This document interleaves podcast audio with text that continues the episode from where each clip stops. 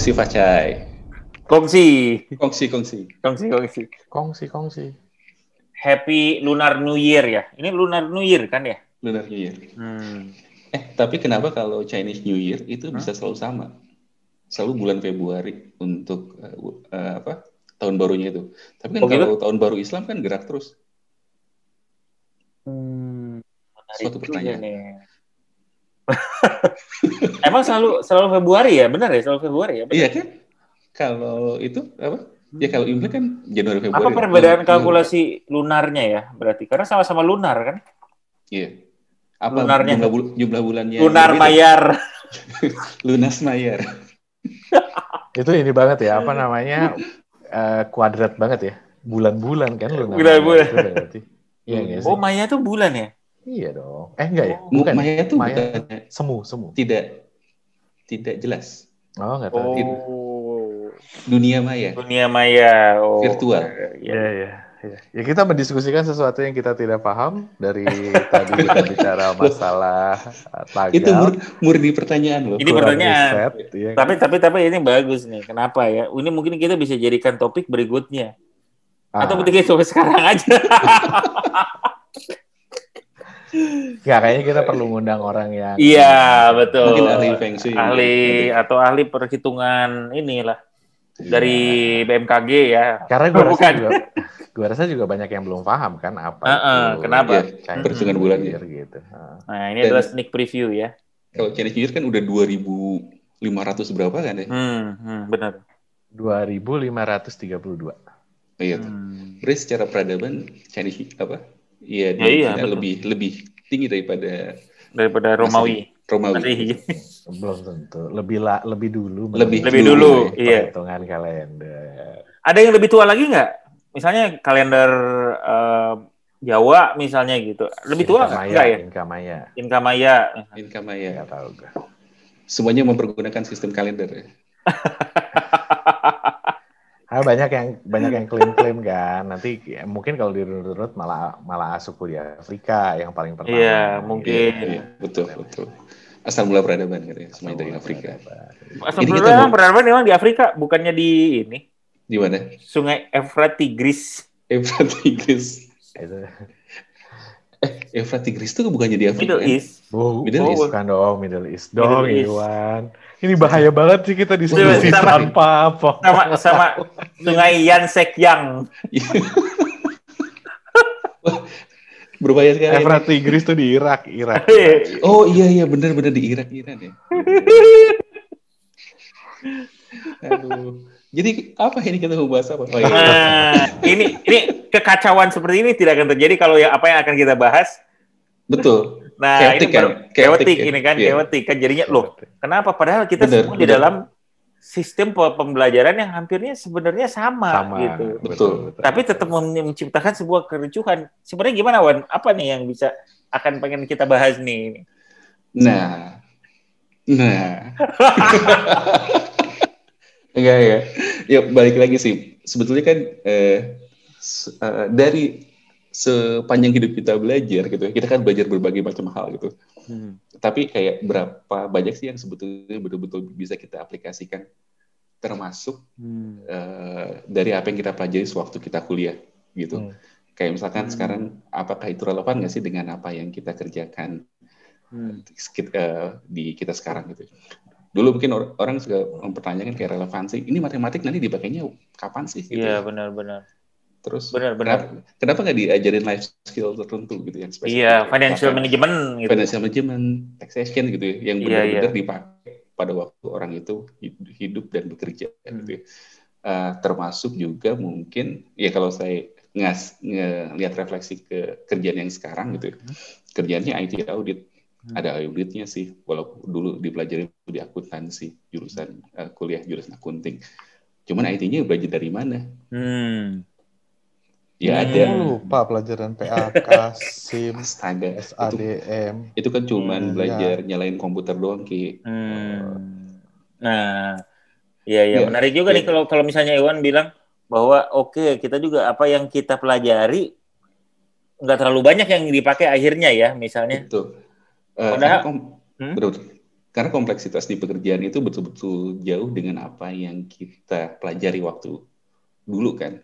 Apalagi sekarang yang boleh dibilang dengan perkembangan ilmu yang semakin cepat oh, dan iya. perkembangan teknologi industri segala hmm. macam, bisa jadi apa yang kita pelajari empat tahun yang lalu itu udah obsolete. Gitu. Iya benar-benar. Makanya yang paling penting adalah cara belajar ya sebenarnya belajar itu. Yeah. Learning oh. itu adalah bagaimana kita tuh cara berpikir daripada mengetahui metodologi atau apa. Iya betul. Kalau menurut gue sih ya, uh, ya makanya itu itu juga selalu jadi dilema ya. Maksudnya kan hmm. kan kalau kita ngajar, kayak gue, misalnya gue diminta ngajar gitu. Nah itu kan pasti juga dilematis. Apa sih yang mau lo ajarin? Apakah pola pikirnya atau hmm idenya gitu yeah. ya, yeah. Uh, konseptual knowledge betul betul betul. Atau kalau bicara practicality-nya, yeah. how to hmm. practice-nya gitu, yeah. bagaimana cara melakukannya. Nah ini tuh selalu jadi menurut gue ya itu itu itu selalu jadi problem. Hmm. Jadi kalau lo too practical maka ilmu bisa obsolete karena betul. cara melakukan pasti dari masa ke masa berubah. Hmm. Uh, kalau lo tuh ini ya tuh fundamental, terlalu fundamental, terlalu teori yang hmm. lo bicarakan, uh, maka sebenarnya itu malah lebih berat kan. Hmm. Lo nggak apa namanya, uh, lo harus sangat inspiring dalam membawakan apa namanya ilmu tersebut gitu. Hmm sehingga orang bisa terinspirasi dan melakukan eksplorasi lagi gitu dan betul, itu betul. balancing itu jadi penting maksudnya kayak lo belajar satu sistem let's say lo belajar satu apa sistem sistematika ya lo belajar satu hmm. uh, practice gitu misalkan bagaimana cara merekrut karyawan gitu hmm. hmm. kan gitu ya misalkan hmm. belajar oh merekrut karyawan itu harus melihat begini begini begini caranya adalah mengumpulkan CV membuka iklan lowongan di koran gitu kan yeah. terus setelah CV anda dapat maka anda sortir dengan cara ini terus melakukan ujian ini ujian itu baru nanti interview udah baru nanti diterima hmm. Praktisnya mungkin sekarang udah nggak relevan lagi gitu yang dengan cara hmm. seperti itu. Nah, cuman idenya menurut gue sih adalah uh, memberikan memberikan nol apa ins, bukan inspirasi ya memberikan why why lo why perusahaan merekrut karyawan dengan cukup clear hmm. mengajar praktis apa sih yang dilakukan sekarang hmm. dan mungkin apa sih yang dilakukan zaman dulu dengan tanpa menutup kemungkinan bahwa mungkin di depan akan berubah. Gitu. Hmm. hmm. Tapi idenya kira-kira seperti ini gitu. Ini hmm. yang kita tahu sekarang gitu. Nah, tetap dengan membuka bahwa uh, ilmu lo nggak cukup sampai sini gitu. Hmm. Ilmu lo pasti akan berkembang hmm. terus. Itu menurut gue juga cukup penting sih. Betul. Jadi hmm. orang juga ter, ter, ter apa? Terdorong untuk berpikir uh, bahkan ya mungkin men-challenge praktik yang sekarang gitu. Hmm. Hmm. Apa yang menurut lo bisa diperbaiki dari praktik yang zaman sekarang ini gitu. Oke. Okay. Nah, kan Jadi, itu menurut gue itu apa hmm. mungkin yang yang ininya kayak begitu ya gitu. Yang Jadi, ideal menurut gue mungkin. Gua benar juga Ki, gue gue lagi mikir juga nanti kalau misalnya dilakukan seperti itu ya. Hmm. Cara mengaksesnya juga beda ya dong ya. Jadi kan biasanya kan lu ah, ujian. Ah, exactly. Ya enggak? Hmm. Exactly. Kan ujian kan lu belajar dia belajarin sesuatu ya udah lu belajar yeah. sesuai ya udahlah ada ada some theory atau apa. Yeah. Kalau cara berpikir mungkin asesmennya berbeda ya mungkin bisa juga oh dia pokoknya mikir gitu intinya kan hmm. ya, ya, karena ya. kan outputnya mungkin mungkin berbeda dan mungkin dia juga nggak bisa kalau lu bilang empat tahun itu udah obsolete gue mulai kuliah begitu dulu sudah obsolete ilmu gue yang ya. dipelajari di semester iya. satu right iya makanya nggak usah ada ujian hmm. bagus juga nih gue juga mau pertanyakan sebenarnya maksud gue ini lo harus menguasai suatu misalkan ya cara perhitungan yang cukup kompleks di financial management gitu hmm ya gue apa namanya karena uh, mantan mengulang financial management uh, berkali-kali. Oh, oke okay, oke. Okay. Financial. Ada sesi curhat ya. Manfin, Manfin, Manfin atau Manfinland? Manfin, Manfin dan Manfinland dua-dua. Manfinland. Iya. Cuma kan idenya sebenarnya kalau menurut gue objektifnya apa sih sebenarnya kan gitu ya balik lagi. Hmm. Apakah lo mau lulu, apa namanya selesai kuliah tersebut lo akan jadi jagoan manajemen keuangan? Hmm. Hmm. Atau lo tujuannya untuk memberikan ide kepada kepada orang ini bahwa dalam rangka lo mengelola keuangan perusahaan, apa saja sih yang harus lo consider? Ada cara praktek seperti apa saja sih hmm. sekarang? Lo mengenalkan boleh gitu. Tapi kalau lo menjadi advance atau lo menjadi menguasai cara meng, cara menghitung naon eta apa namanya uh, nilai masa kini itu oh present, present value, value net present value hmm. sebuah investasi misalkan ya itu itu sih kalau present value nggak susah apalah gitu perhitungan yang rumit ya hmm. uh, dan lo harus 100% correct gitu hmm. itu kan another thing gitu dari hmm. apakah itu objektif lo gitu kan pertanyaannya gitu hmm. nah itu hmm. yang kayak gitu-gitu menurut gue sih yang kayaknya uh, apa perlu perlu diiniin perlu hmm. dilihat lagi lah gitu kalau menurut gue hmm. atau Ki, balik lagi ke objektif awalnya kenapa sih kita mau kuliah gitu hmm. ya, kayak kalau misalkan kita kuliah kebanyakan berapa sih kebanyakan yang buat kita siap untuk bekerja hmm. kan kecuali mungkin ada beberapa yang punya tujuan atau objektif yang berbeda kayak misalkan gue yang mendalami suatu ilmu tertentu sehingga hmm. akhirnya misalkan gue uh, dia mendalaminya secara lebih teoritis dan yeah. ngambil misalkan jenjang ke yang lebih tinggi lah misalkan hmm. kelas 2 atau S3 gitu ya. Hmm. Cuman untuk kebanyakan orang yang uh, ujung-ujungnya adalah untuk menjadi workforce di ya di ya sebagai tenaga kerja di hmm. industri gitu ya. Hmm. Uh, balance antara apa prinsipal dan praktikalnya itu mungkin gue rasa sih harusnya praktikalnya itu lebih tinggi sih. Hmm. Okay. Tapi, tapi baik lagi bahwa uh, benar apa yang lo bilang bahwa di masa kuliah tentu nggak akan membuat kita jadi se seorang yang advance kan gitu. Hmm. At least basic-basic uh, knowledge-nya, prinsipalnya itu kita tahu, bisa hmm. paham. Jadi waktu kita kerja kita nggak terlalu kaget lah dengan apa yang hmm. kita bakalan kerjakan. Cuman baik lagi adalah kayak berapa besar sih kadarnya itu hmm. pergunakan digunakan dan satu lagi hmm. balance itu berapa, berapa berapa sih antara prinsipal dan practicalsnya itu. Hmm. Nah itu kalau itu agak susah karena kalau hmm. buat gue ya, buat gue walaupun gue memang kerjaannya dari awal apa namanya karir gue adalah di area uh, governance risk and control khususnya di area IT ya, lalu IT audit dan segala macam. Mungkin gue cuma satu stream yang kepake sama gue yaitu streamnya sistem informasi gitu. Kalau iya. ditanya kepake apa enggak sih, menurut gue kepake banget. Jadi kalau buat gue gitu ya menjalani karir gue apa yang gue pelajari di kuliah itu sangat kepake.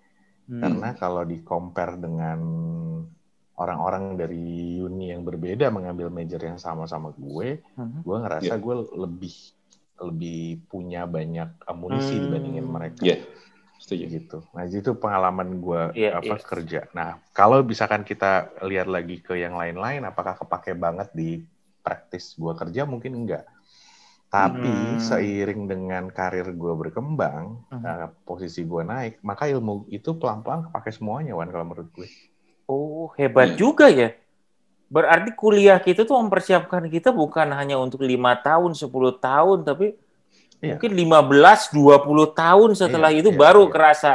Iya, walaupun kalau gue kan iya. orangnya dari dulu gue di gue dulu suka dikatain gini sama orang-orang, lo tuh fundamentalis katanya. Wah, karena wah, kalau, waduh. Gila. Itu waktu Kira kapan dibilangnya gitu Ki? Gue penasaran ya, nih, kapan lu mulai dibilangin kayak gitu? Waktu nilai-nilai bulan berdua berdua gitu. semuanya jelek. Jadi mungkin itu menghibur sifatnya. Lo terlalu fundamentalis gitu. Jadi itu menghibur lah teman-teman gue yang kayaknya bagus-bagus ngomong gitu ke gue. Ya karena menurut gue, kenapa gue bilang kepake semua, bukan kepake teknisnya ya. Hmm. Kepake idenya menurut gue. Hmm jadi pada saat gue menemukan kasus uh, valuation yang cukup rumit gitu ya, hmm. gue tahu kalau by konsep gue ngerti gitu bahwa ini tuh uh, pasti ada ini ada begitu. Walaupun gue nggak pernah bisa menghafal ya, hmm. yeah. gue jelek banget dalam sisi hafalan. Tapi hmm. logiknya gue ngerti gitu bahwa kalau hmm. misalnya lo mau menghitung WACC itu tuh ada komponen apa saja walaupun gue nggak hafal uh. ada apa aja di sana gitu jadi pada saat gue mempelajari butuh waktu singkat untuk mempelajari dan memahami kalkulasi yang cukup rumit di manajemen keuangan mm-hmm. gue teringat apa mungkin karena gue sudah tiga kali ya mengulang waktu itu jadi sehingga oh, itu udah komprehensif banget oh, komprehensif. Karena ya, ini ilmunya ya diulang gitu. itu ya, bukan karena ah, nilai tapi kan. Iya itu karena karena ilmu suka, kan. Karena sangat suka gitu. Nah cuman ya, tapi menurut gue sih banyak yang kepake. Gue nggak bilang semuanya kepake lah. Hmm. Cuman kayaknya sih banyak yang kepake di hmm. apalagi ya field gue yang ternyata cukup cukup luas. Jadi cakau, hmm. cakupannya kalau misalnya gue internal audit di dalam satu perusahaan kan mungkin nggak terlalu apa nggak terlalu hmm. banyak variasinya. Kalau ini kan gue cukup banyak variasinya ngadepin berbagai jenis kasus. Hmm. Gitu sih okay. kalau menurut gue. Hmm. Ya, ya betul juga ya. Berarti uh, balance-nya beda-beda ya, mungkin ya. Beda-beda, beda. pasti pasti beda-beda, pasti beda-beda. Gak bisa disamaratain. Hmm. Nah, itu dia uh, dengan sistem pendidikan yang sekarang uh, gue nggak tahu karena mungkin pendidikan kita yang dulu lah misalkan kayak gitu hmm. kita kan semua itu dipatoknya sama tuh lulus masih dalam 144 SKS hmm. ngambil semua mata kuliah yang wajib dan pilihan lah kayak gitu hmm. dengan uh, mungkin variasi pilihan yang nggak terlalu banyak lah hmm. kayak gitu oh. Dan tentunya itu bakalan uh, membatasi juga sebetulnya uh, apa yang mau kita pelajarin sebetulnya ya. nah hmm. nah ini yang tadi kita baru bahas dikit Ki, soal masalah kampus merdeka Hmm. Ya, kan lu sebagai ada sebagai dosen nih, sebagai hmm. dosen. Hmm. Yang gue dengar-dengar adalah bahwa sekarang tuh masih sekarang diberikan kebebasan dan fleksibilitas untuk mengambil mata pelajaran yang dia mungkin sukai atau dia minati lah kayak ya, gitu. Ya, ya, ya. Cuman secara konsepnya bakal seperti apa sih sebenarnya? Oke. Okay gue nih bu, gue klarifikasi ya gue bukan dosen tapi gue iya. uh, diminta mengajar mengajar ya bukan kalau di luar kita namanya ajang apa apa ajang profesor ya ajun profesor ya I don't know lah apa ajun komisaris ajun ajun apa pun istilahnya tapi gue hmm. dimintain tolong lah untuk membantu hmm. ngajar gitu di hmm. apa di kampus nah kalau ini menarik sih ya apa yeah. kampus apa uh, merdeka belajar kampus merdeka ini kan hmm cukup bikin rame nih. Uh, gua kebetulan di hmm. asosiasi hmm. di Isaka juga uh, sempat ada undangan Diskusi. juga dari undangan dari beberapa university mau minta pandangan kita soal uh, kampus merdeka dan pemenuhan kurikulum hmm. dalam rangka memenuhi si uh, apa permintaannya kampus merdeka ini gitu. Nah, hmm. Nah, uh, jadi ini kasus yang cukup hangat di dunia akademik kira-kira satu tahunan kemarin lah gitu. Hmm hmm. during pandemi ini gitu khususnya. Nah ini uh, apa? Menurut gue sih idenya brilian ya. Apa? Hmm. Nah di di zaman sekarang kan ya kalau kita lihat-lihat sebenarnya uh, apa ya? Kita kita kita sepertinya sepertinya masuk ke uh, masuk ke era di mana uh, apa namanya membutuhkan workforce yang uh, butuh uh, multiple skills. Nggak hmm. cuma bisa satu bidang gitu. Tapi yeah. dia punya pemahaman yang cukup betul luas. betul. Betul betul. gitu. Yeah. kalau nggak salah Ebin ya mungkin Ebin yang lebih betul betul betul betul. HR gitu. Nah karena butuh multiple skills inilah kayaknya menyebabkan which is agak susah ya. Maksud gua lo kita kan dari dulu uh, selalu dikotakkan ya. Lo dikotakkan per fakultas lo dikotakkan lagi per jurusan gitu. Yeah, yeah. jadi kesan ilmu itu kotak-kotak gitu. Hmm. Nah sekarang itu sebenarnya cukup apa istilahnya sih radikal radikal change. Hmm. Hmm. Nah, perubahan yang cukup radikal adalah si kotak-kotak ini sekat-sekatnya mau dibuka semua. Jadi hmm. uh, lu bisa lo anak akuntansi oh, misalkan gitu. Hmm. Kalau lo pengen belajar hukum, kan dari dulu kita gitu ya kalau dulu kan hmm. kan kita akhirnya kita akhirnya ngambil double degree double degree oh. di belakang layar gitu kan. Ada tuh teman-teman kita yang akuntansi dan hukum. Oh, karena gedungnya sebelahan. Karena gedungnya tinggal lari. Ada yang ada yang lulus juga loh. Iya. Yeah. double degree itu. Teknik yang mau yang teknik teknik kuliah kayak kuliah di ITB juga banyak kan. Betul. Angkatan kita nggak ada tapi ya? Angkatan kita nggak ada. siapa tapi ditinggalkan lulus nggak maksudnya? Oh. Sama Dedi lulus teknik. Lulus. Oh, oke oh, oke. Okay, okay. Di angkatan beberapa tuh ada loh 2000 ada, tuh. Ada. ada 2000 ya ada IF sama akuntansi. Ya. Banyak tuh. Banyak banyak. Akuntansi apa sama informatika. Ih, tahu gue siapa tuh. Ya, terus udah gitu. Nah, 2000 uh, ya. Iya. Terus ini sekat-sekatnya dibuka. Nah, makanya hmm. problem yang zaman dulu kita terjadi di zaman kita kuliah dulu hmm. itu mungkin hmm. bisa solve juga dengan kondisi hmm. ini kan. Hmm. Orang yeah. bisa. Ya kalau lo pengen spesialis di satu bidang gitu ya, lo pengen menjadi spesialis, ya lo bisa gitu. Hmm. Tapi lo juga punya kesempatan untuk lo uh, apa? Ya makanya namanya merdeka ya, hmm. kayaknya karena lo punya kebebasan untuk belajar uh, ilmu yang lain gitu, hmm. hmm. positif banget sih, hmm. menurut gue. Itu. Hmm. Iya betul gitu juga ya. ya. Karena seru. Hmm. Sebenarnya dari zaman dulu kan gue tadi juga sempat share apa? Udah ada kali ya hmm.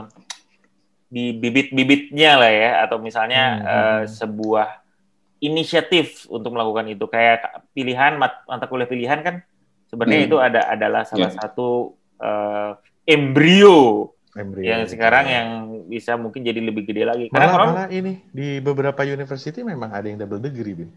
Oh. Oh iya iya. Iya kan di beberapa Programnya university dibikin double degree ya. Ah, hmm. zaman dulu kita iya. itu yeah. gitu sampai yeah. sekarang masih masih ada itu. Oh, ada ya. Kita kita double ada. degree apa ya? Apa yang pernah di mana kampus eh, mana ya ada? Yang gua tahu ya, yang gua hmm. tahu itu zaman kita kuliah hmm. sekian waktu yang lalu itu adalah di BINUS. Oh iya benar. Komputer akuntansi ya? Ah itu yeah. itu sebenarnya bukan double degree kalau oh, bukan degree. akuntansi itu oh. penggabungan penggabungan ilmu kan, hmm. ilmu komputer sama akuntansi. Akuntansi. Ini ada yang lu bener-bener dari masuk tuh dari awal lu masuk memang udah sistem informasi dan akuntansi gitu. Jadi oh. SE Eskom ya lulusnya ya, itu. SE Eskom. Gitu. Ada. Oh asik zaman. juga ya. Asik, tapi SKS dia tentu lebih banyak ya. Gue lupa. Satu sembilan enam. Satu kali dua. Gitu. Dua delapan delapan. PPKN dua kali. oh iya, oh iya, yang yang nggak perlu diulang-ulang itu. Ilmu budaya dasar. Itu. IBD sama IAD. Iya. Iya, ada beberapa beberapa yang bisa digab yang bisa double degree lah waktu zaman hmm. zaman itu ya gue nggak hmm. ngikutin sampai sekarang tuh berkembang yeah. lagi atau enggak. Hmm. Tapi cikal bakalnya mungkin itu ya bahwa hmm. orang tuh apa ternyata mungkin tadi butuh gitu butuh hmm. multiple skill multiple knowledge atau wawasan yang lebih luas gitu daripada hmm. spesialisasi gitu. Iya iya. Mungkin idenya begitu. Hmm, menarik juga ya. Iya iya. Menarik Kar hmm, karena kuliah apa... lagi kuliah lagi ya yes yes yes. Betul betul. Nggak karena karena gue lihat apa namanya uh, ya makin ke sini Raki kan tadi bilang ya mengenai perlunya multiple disiplin di dalam tempat kerja ya. Hmm. Memang mas, makin makin makin makin banyak lah gitu. Contohnya aja ya kalau misalnya dari hmm. sudut pandang HR, apa pun yang namanya bisnis partner bisnis partnernya, hmm. IT bisnis partner, finance bisnis oh. partner, hmm. HR bisnis partner tuh harus ngerti bisnisnya kan. Yeah. Jadi nggak bisa nih orang HR cuma ngerti aja juga mengenai bagaimana merekrut, terus udah gitu bagaimana performance management nggak bisa. Lu harus ngerti bisnisnya apa sih company-nya yeah. itu gitu. Mm-hmm. Lu bisnisnya telco ya lu harus ngerti usaha telco itu apa karena kan lu nanti gimana strategi people-nya lah gitu. Kan IT juga gitu pasti kan. Hmm. Gimana nanti IT infrastructure-nya gitu. Finance juga pasti gitu kan gimana pricing kenapa kayak gini nih ininya gitu. Jadi eh, nggak uh, bisa lagi hanya udah udah kayaknya sih di depan udah hampir pasti uh, ini bisa jadi sebuah basic needs dari dari talent gitu kalau misalnya yeah. mau mau kerja gitu. Mungkin kalau dulu kita bicaranya uh, apa kebutuhan akan spesialis lebih tinggi daripada kebutuhan hmm. akan generalis ya. Hmm. Mungkin kebutuhan itu yang shifting gitu ya kalau kalau gue mungkin boleh. Hmm. Gue nggak tahu ya kebutuhannya shifting atau memang uh, ya maksudnya memang apa namanya demand orang yang punya hmm kemampuan atau generalis tadi yeah, itu lebih yeah. besar gitu daripada yeah. si nah, I don't know gitu. Ya, tapi betul juga. Oh, atau ya, requirement-nya bertambah sebenarnya. Requirement bertambah, Wan, benar. Skill baru bertambah. Basic skills-nya tetap diperlukan. Betul. Misalnya Cuma contoh. Kayak, hmm. yeah. Gimana gimana, yeah. Wan, Wan? Ya, ya, silakan, silakan. Enggak, contoh bahasa Inggris, contoh aja ini, Wan. Yeah, yeah, yeah. Dulu kan mungkin ada orang yang bahasa Inggris aja. Sekarang kan hmm. lu siapa pun lu, lu harus bisa bahasa Inggris itu. Jadi nggak ada lagi di gini gini gini terus dikasih ke seorang yang misalnya mentranslate gitu kan udah nggak ada lagi gitu. Lu harus bisa aja gitu. Sekarang misalnya hmm. dulu ada uh, let's say misalnya contoh ya uh, scheduling lah gitu ya. Scheduling kan dulu misalnya bisa misalnya dibantu sekretaris banyak ya. Mungkin sekarang juga hmm. masih ada. Cuman sekarang kan lu harus itu mah udah nggak usah ditanyain lagi lu harus bisa bikin misalnya dengan Google Calendar atau apa Outlook yeah, apa yeah kalender itu tuh udah ya lu harus udah otomatis gitu. PowerPoint, Excel, Word lu juga yeah. udah nggak ada lagi yang bantuin. Benar, lu mah harus bisa gitu. Dulu Office tuh dimasukkan sebagai salah satu apa skill sih. Skills sekarang betul. Sekarang mah udah enggak kan? Itu sekarang nggak ada kayak, gitu.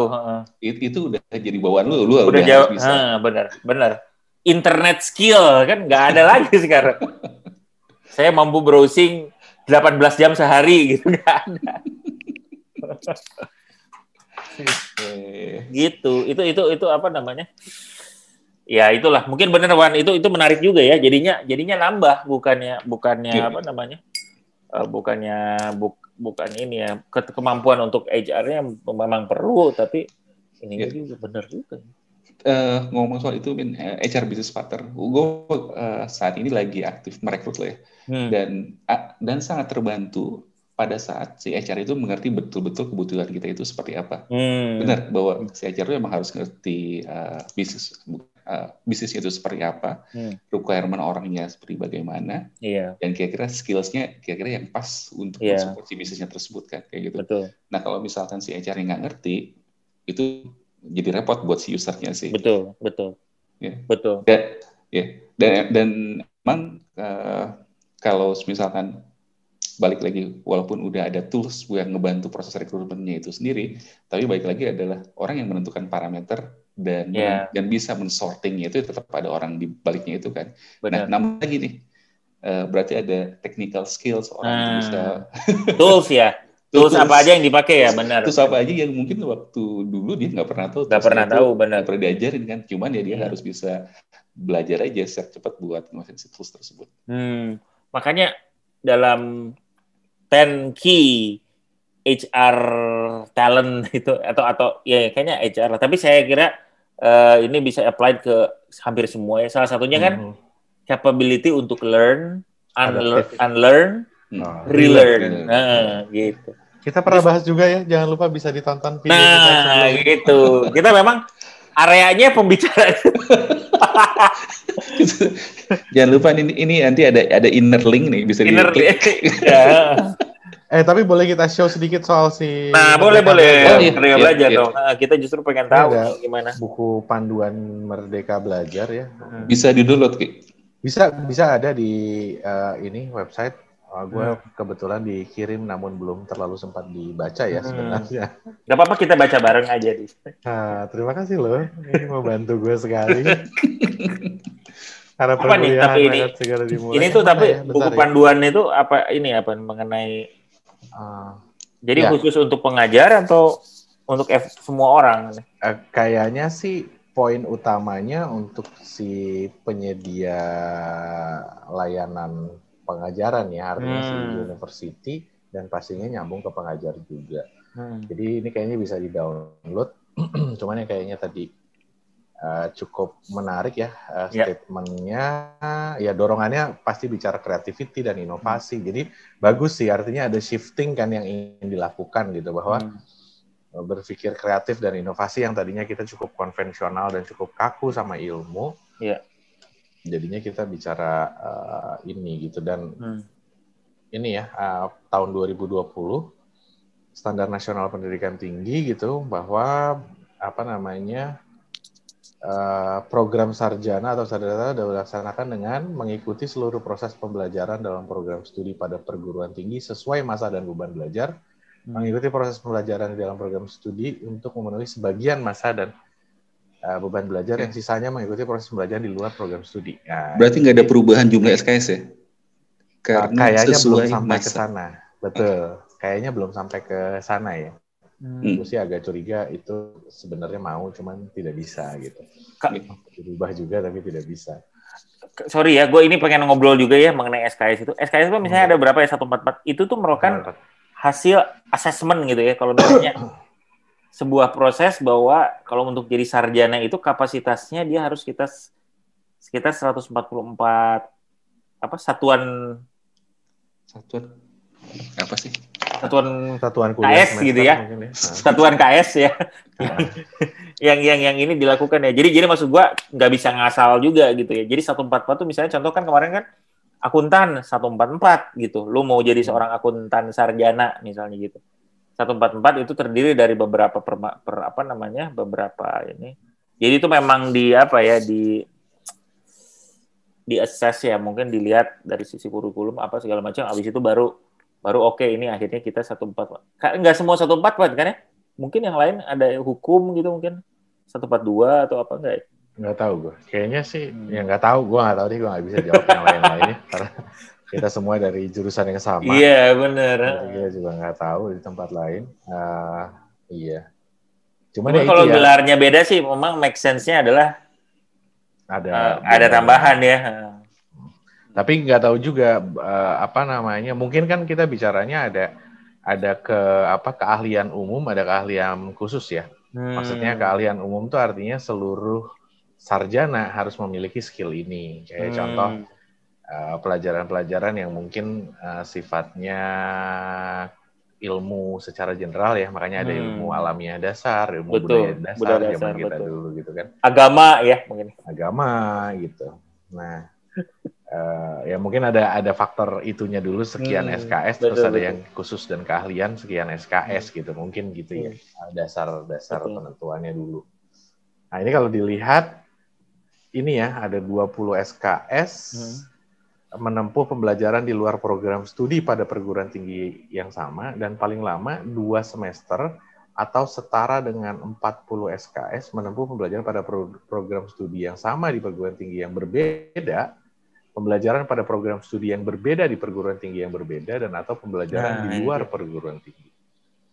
Ini hmm. menarik nah, sih, menarik apa, nih. yang cukup cukup ini ya. Revolusioner ya. Revolusioner perubahannya dan bisa bagus dan bisa juga uh, bukan nggak bagus tapi bisa juga uh, berat untuk diimplementasi ya. Hmm. Teknikal teknisnya ya. Oke, misalkan lagi banyak tuh uh, course dari luar tuh lewat hmm. Coursera, IDX hmm. segala hmm. macam lah ya yang mungkin yeah, yeah. secara kualitas dan jumlah apa dan satuan kreditnya hmm. equivalent lah gitu ya. Hmm. Itu jadi memungkinkan nggak sih kita konversi jadi satu apa untuk memenuhi si requirement kampus merdeka ini? Hmm. Kalau menurut lo, kalau oke okay, kalau gua kalau secara aturan gua nggak bisa jawab ya karena yeah. hmm. tentunya perlu asesmen dan segala macam menurut gua kan balik lagi sebenarnya gini uh, uh, apa kalau gue lihat ujungnya ya ujungnya adalah sebenarnya ilmu ini di, di, diperlukan untuk apa gitu hmm. jadi kenapa perlu ada standarisasi kan kayaknya untuk juga bisa eh, bahwa output itu uh, ekspektasi atas output sehingga hmm. dia bisa masuk ke workforce adalah hmm. seperti ini gitu kan hmm. nah selama hal itu bisa dikontrol, jadi kalaupun ada uh, lembaga pelatihan eksternal hmm. di internet uh, seperti Coursera dan segala macam, kalau itu memenuhi aturan mainnya, hmm. bisa aja hmm. menurut gua. Hmm. Gitu. Kalau dia memenuhi aturan mainnya. Nah sekarang kalau kita lihat kan sebenarnya uh, ngacu ke mana sih ini agak ke agak kayaknya ya agak-agak ada semrawutnya mungkin karena uh, in a way kayaknya ada aturan main bahwa harus memenuhi uh, apa namanya keilmuan yang seperti apa gitu ya di dalam iya. sebuah yeah. kampus apa uh, jurusan ataupun fakultas yeah. ya, sebuah keilmuan tapi di sisi lain juga ada kebebasan juga yang diberikan gitu ke kampus. Kira-kira kayaknya setahu gue gitu ya, gue bukan akademisi jadi gue juga nggak bisa bicara banyak sih cuman mm-hmm. kalau logikanya gue sih selama dia memenuhi standar uh, yang diharapkan oleh pemerintah mm. atau negara ini untuk bisa ini ya maka harusnya mm. bisa kan yeah. gitu itu kalau dari sisi ini ya dari sisi formil ya iya yeah, iya yeah. mm-hmm. nah kalau non formil mungkin Ebin kalau gue sendiri uh, kalau gue sendiri dari apa namanya pemberi kerja ya apa namanya user. uh, user, user. gue sendiri uh, ngelihatnya uh, tingkat keyakinan atas lembaga pendidikan eksternal juga sebenarnya sampai saat ini belum belum setinggi itu. Apakah bisa mencapai hmm. tingkat itu? Mungkin bisa. Tapi itu pasti ada proses nanti bicara bahwa apakah Coursera memang uh, widely Coursera ya apakah hmm. Coursera bisa widely accepted uh, apa namanya globally apa di mana-mana yeah. di berbagai hmm. perusahaan hmm. artinya kan harus ada satu kesepakatan gitu ya ada hmm. pasti nanti ada bicara ada yang memberikan keyakinan entah hmm. sertifikasi or something gitu ya yang yeah yang melakukan itu sehingga itu bisa kepake secara hmm. dunia. Jadi industrinya belum nyampe ke sana menurut gue. Tapi hmm. apakah someday bisa? Gue yakin pasti bisa. Karena hmm. berapa kali gue juga ikutan course-nya Coursera dan menurut gue keren sih. Bagus ya. Hmm. Oh. Dan dan kayaknya juga ya nggak tahu lah kan karena sekarang banyak juga diskusi ya bahwa diskusi bahwa gimana nih relevansinya sekolah di masa yang akan datang. Di mana hmm. Sekarang itu kan sekolah juga udah kayak sekarang kan kayaknya materi apa segala macam dari kampus-kampus ternama seluruh dunia aja udah available gratis malah beberapa tuh. Iya. Gue lihat apa namanya kayaknya MIT buka gitu, terus udah gitu banyak lah yang course-course kayak gitu uh, di share. Jadi itu satu. Yang kedua juga kan uh, udah ada beberapa yang menyebutkan tidak usah bawa ijazah. Katanya nggak ada ijazah, nggak sekolah itu nggak nggak ini apa namanya ada beberapa uh, perusahaan, perusahaan gede ya lupa huh? gue lupa sih Google sama apa gitu EY atau apa ya? Ya yeah, EY dulu ya ya. Yeah, tidak usah. Bachelor katanya. Gak usah katanya uh -uh. Hmm. usah bachelor tapi master. Kalau bisa PhD PhD nah itu juga enggak kan. Terus di Indonesia juga udah mulai banyak kan ya dengan menjamurnya semua in medium enterprise startup kayak gitu-gitu jadi lebih lebih banyak yang merasa bahwa irrelevant. Beberapa malah dengan ini ya ini sih sebagai tambahan aja kayak uh, Gofar Hilman. Hmm. Gofar Hilman itu kan dia ngerekrut orang, terus begitu dia tulis nggak usah pakai ijazah, nggak penting kata dia. Gitu. Hmm. Of course it's different ya, maksudnya pekerjaannya different. Cuman uh, menurut gua itu shifting of uh, shifting aja ya mulailah ada ada ininya gitu ya, ada pergeseran bahwa sesuatu yang sebelumnya harus hmm. uh, jadinya mungkin nggak harus even untuk bekerja ya. Kalau misalnya untuk wira swasta kan mungkin ya sok aja lah. Ini kan kerja ya gitu ada itu. Nah itu itu juga dan dan benar juga tadinya kan dengan advance-nya courses hmm. gitu, semakin terbukanya informasi. Mungkin ke depannya gue kayaknya suka kadang suka ngelihat bahwa kalau kalau gue dengar kayak gini ya mungkin ya akhirnya adalah assessment dari si perusahaan yang penting sih.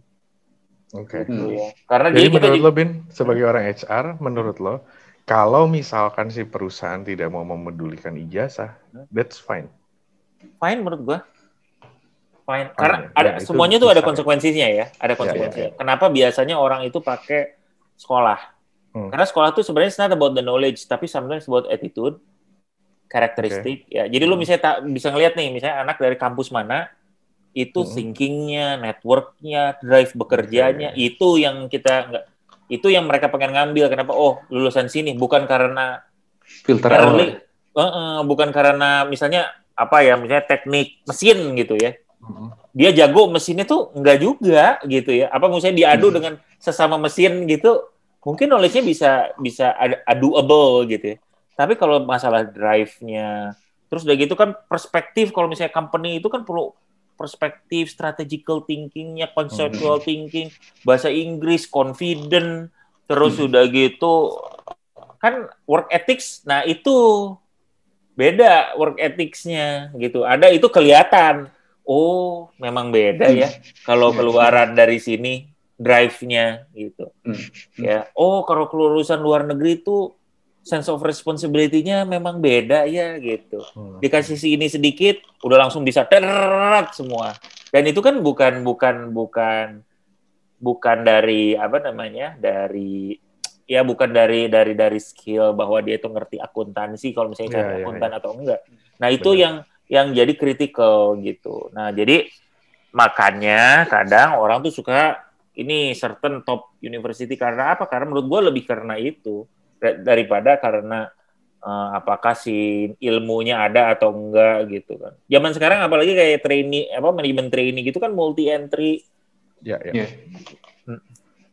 Dan benar knowledge ada di mana aja sekarang. Eh, di mana aja lu mah enggak bisa nyari sendiri. Yeah, yeah. Bisa nyari sendiri benar. Mm -hmm. Betul betul betul betul betul. Gitu. Ini ya. Ah, itu menarik sih ya maksudnya uh, apa namanya?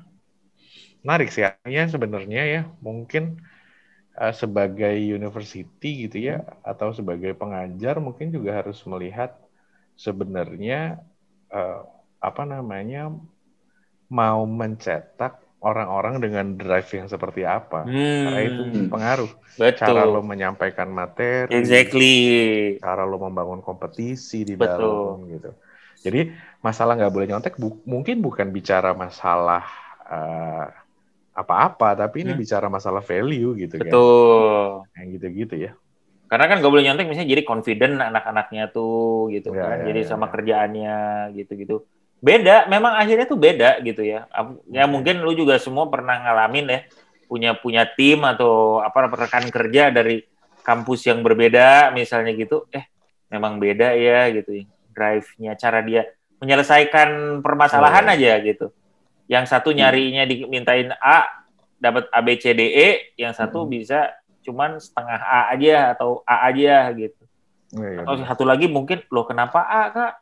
Bukannya ini pertanyaannya harusnya jawabannya F gitu. Gitu. Kan beda Kamu jadi. ngelawan. Ya, iya, gitu. iya, iya benar-benar ya, gitu. dan kalau gitu Satu. ospek jadi penting dong ya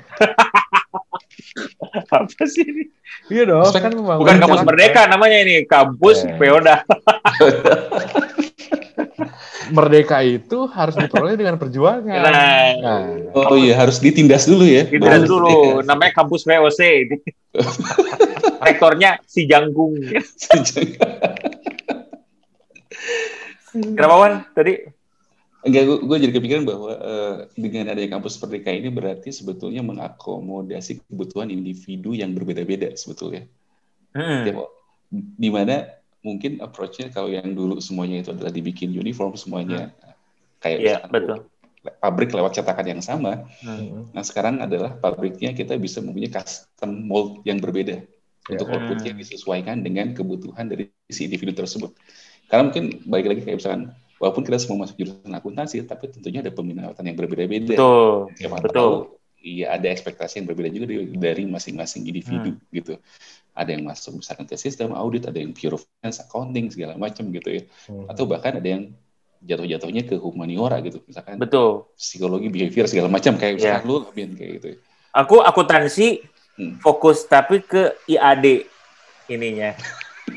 oh, IBD sorry ilmu budaya dasar iya ya benar ya uh, sesuatu hal yang mengembirakan sih sebetulnya dan hmm. mudah-mudahan bisa apa uh, menghasilkan output yang emang lebih relevan. Benar. Yang dibutuhkan di dunia kerja. Mudah-mudahan benar benar.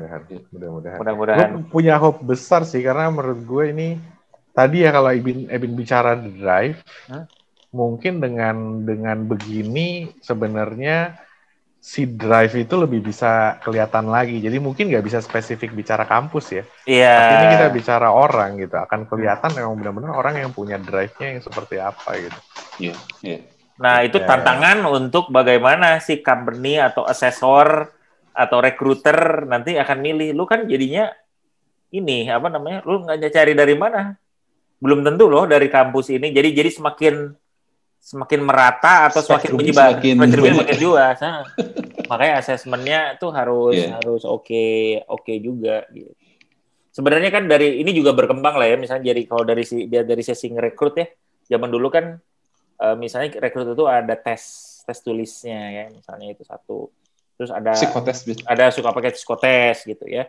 Terus psikotes juga sekarang bergeser, ada yang pakai, ada yang enggak gitu ya, iya. karena melihat potensi kita nggak melihat eh, pakai assessment center katanya dia akan melihat kompetensi. Terus udah gitu kan orang juga kan dulu oke okay, yang penting lu kuliah misalnya ada certain nilai yang lu bisa dapat lu untuk dapat kerja. Makin-makin angkatan kita kan udah mulai kan bahwa lu nggak bisa hanya ini aja apa namanya belajar aja. Harus ada organisasi harus bisa bahasa Inggris eh, apa bisa berkomunikasi. Itu udah mulai itu BM kalau zaman sekarang katanya ya eh, rekruter itu banyak mau katanya. Oh. itu menurut bahasa milenial ya.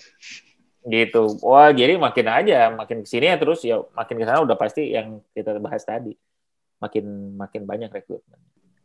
Requirementnya. Gitu kan kurang lebih jadinya. Baik, baik. Menarik ya. Sekarang menarik. banyak selalu menarik. Banyak yang mau, banyak yang mau merdeka ya. Oh, iya. kampus merdeka. Oh. Padang Merdeka. Ah ya Padang Merdeka. Papua Barat. ini di di rumah saya hujan jadi berisik sekali ini. Iya nggak apa-apa. Ini kan namanya ini apa namanya uh, pilihan, pilihan dan situasinya memang berbeda-beda. Merdeka aja, bebas. Medan Merdeka ya, Medan Merdeka Barat ya. Sip ya, mungkin ya. Jadi ya kita mungkin uh, pada malam ini ini dulu ya mungkin ya, uh, Wan ya. Gimana? Iya. Yeah, Cukup, cukup, cukup. Cukup ya, kita malam ini kayaknya uh, menarik sekali pembicaraannya karena ini mengangkut masa depan bangsa dan uh, humaniora dan humanity ya. gitu. Jadi kita senang sekali diskusi malam ini. Mudah-mudahan kalau misalnya kelompok pencapir ada pandangan mengenai uh, kamus merdeka ini silakan loh komen ya. Ayo dong komen ya. ya kita tunggu komennya semua itu. Oke. Okay? Oke, okay, bye-bye. Sampai ketemu kelompok capir semua. Sampai ketemu semua. Sampai ketemu. Bye. bye.